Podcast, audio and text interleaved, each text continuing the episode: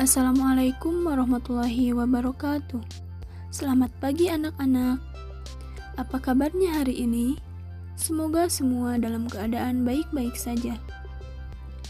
Pada podcast hari ini, kita akan mempelajari tentang cerita rakyat.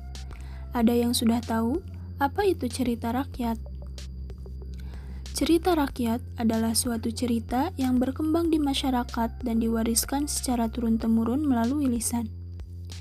Cerita rakyat juga merupakan cerita yang dikaitkan dengan keadaan atau bukti-bukti peninggalan. Beberapa contoh cerita rakyat yang berkembang di Indonesia di antaranya adalah cerita Maling Kundang, Asal Mula Danau Toba, Andi Ande Lumut, Bawang Merah Bawang Putih, Wayang Beber, dan masih banyak lagi cerita rakyat yang lainnya.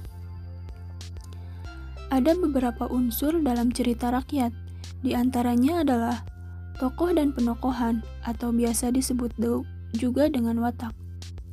Tema dan amanat. Tokoh adalah pelaku dalam cerita.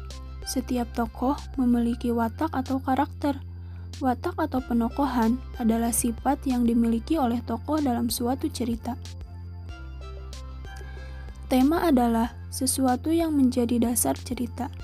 Tema selalu berkaitan dengan berbagai pengalaman kehidupan, seperti masalah cinta, kasih, rindu, takut, religius, dan sebagainya. Dalam hal tersebut, tema sering dikaitkan sebagai ide atau tujuan utama. Amanat adalah pesan yang ingin disampaikan oleh pengarang dari sebuah karya sastra. Ada kalanya amanat berupa pesan moral. Nah, Sekian seputar materi tentang cerita rakyat. Sekarang, silahkan kalian untuk membaca contoh cerita rakyat asal mula Danau Toba yang ada pada buku. Selanjutnya, kalian tentukan tokoh, tema, dan amanat yang terdapat pada cerita rakyat tersebut. Cukup sekian materi tentang cerita rakyat. Terima kasih telah mendengarkan podcast pembelajaran hari ini. Semoga kalian dapat memahaminya. Selamat bekerja dan sampai berjumpa di podcast topik selanjutnya.